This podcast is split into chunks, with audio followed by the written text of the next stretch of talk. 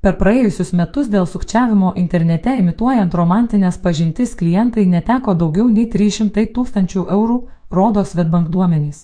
Reikšmingą lėšų dalį banko saugumo specialistams pavyko išsaugoti ir gražinti klientams. Ši suma sudarė daugiau nei 230 tūkstančių eurų. Praėjusiais metais gyventojai rečiau susidūrė su romantiniais sukčiais, tad ir bendra nuostolių suma buvo mažesnė, banko saugumo specialistai taip pat įsaugojo nemenka galimų nuostolių dalį. Vis dėlto, romantinis sukčiavimas reikiuojasi tarp vienų dažniausių ir brangiausių sukčiavimo atvejų, tad prarasti budrumo nederėtų, sako Svetbank finansinio raštingumo srities vadovė Justina Bagdanavičiūtė. Svetbank duomenys rodo, kad praėjusiais metais su romantiniais sukčiais susidūrė 148 klientai.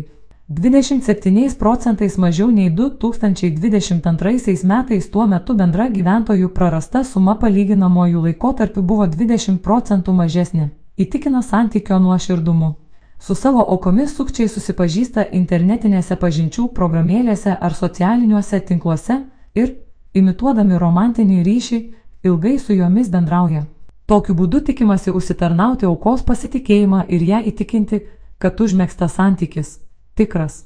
Sukčiai yra įdėmus klausytojai, jie stengiasi apie savo auką sužinoti kuo daugiau informacijos, kad galėtų kalbėtis apie neva bendrus pomėgius ar kitus siejančius dalykus. Tokiu būdu aukos patiki užmėgsto santykio nuoširdumu, pamažu dinksta bet koks skeptiškas nusiteikimas dėl naujos pažinties.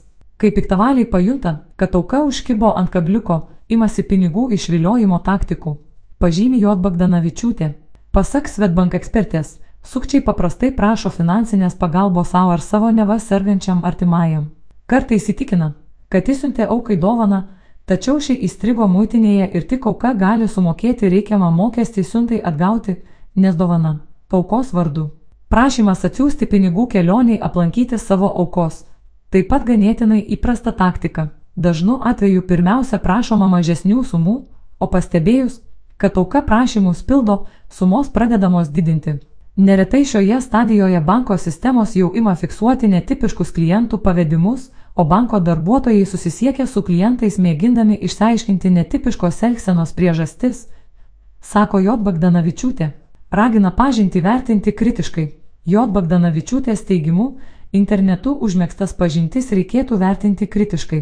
Tęsiantis tokiam bendravimui, svarbu paieškoti daugiau informacijos apie virtualų jį bičiulį internete, palyginti ją su socialinio tinklo paskyroje ar pažinčių svetainėje pateikiamais duomenimis.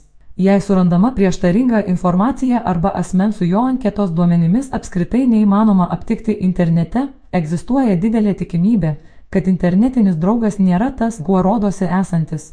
Naudinga internetinėms pažintims pasiūlyti vaizdo skambutį. Kitais žmonėmis apsimetantys sukčiai paprastai vengia pasirodyti savo tikruoju pavydalu. Komentuoja Jo Bagdanavičiūtė. Pasak jos, gyvai niekuomet nesutikto Valentino prašymas pervesti pinigų. Ryškiausias pavojaus signalas, kad reikalų greičiausiai turime su pinigus bandančiais išvilioti piktavaliais. Sulaukus tokio prašymo, jo nereikėtų pulti vykdyti, o taip nutikus ir supratus, kad pinigus pasisavino sukčiai, Svarbu nedelsiant apie tai pranešti bankui bei policijai.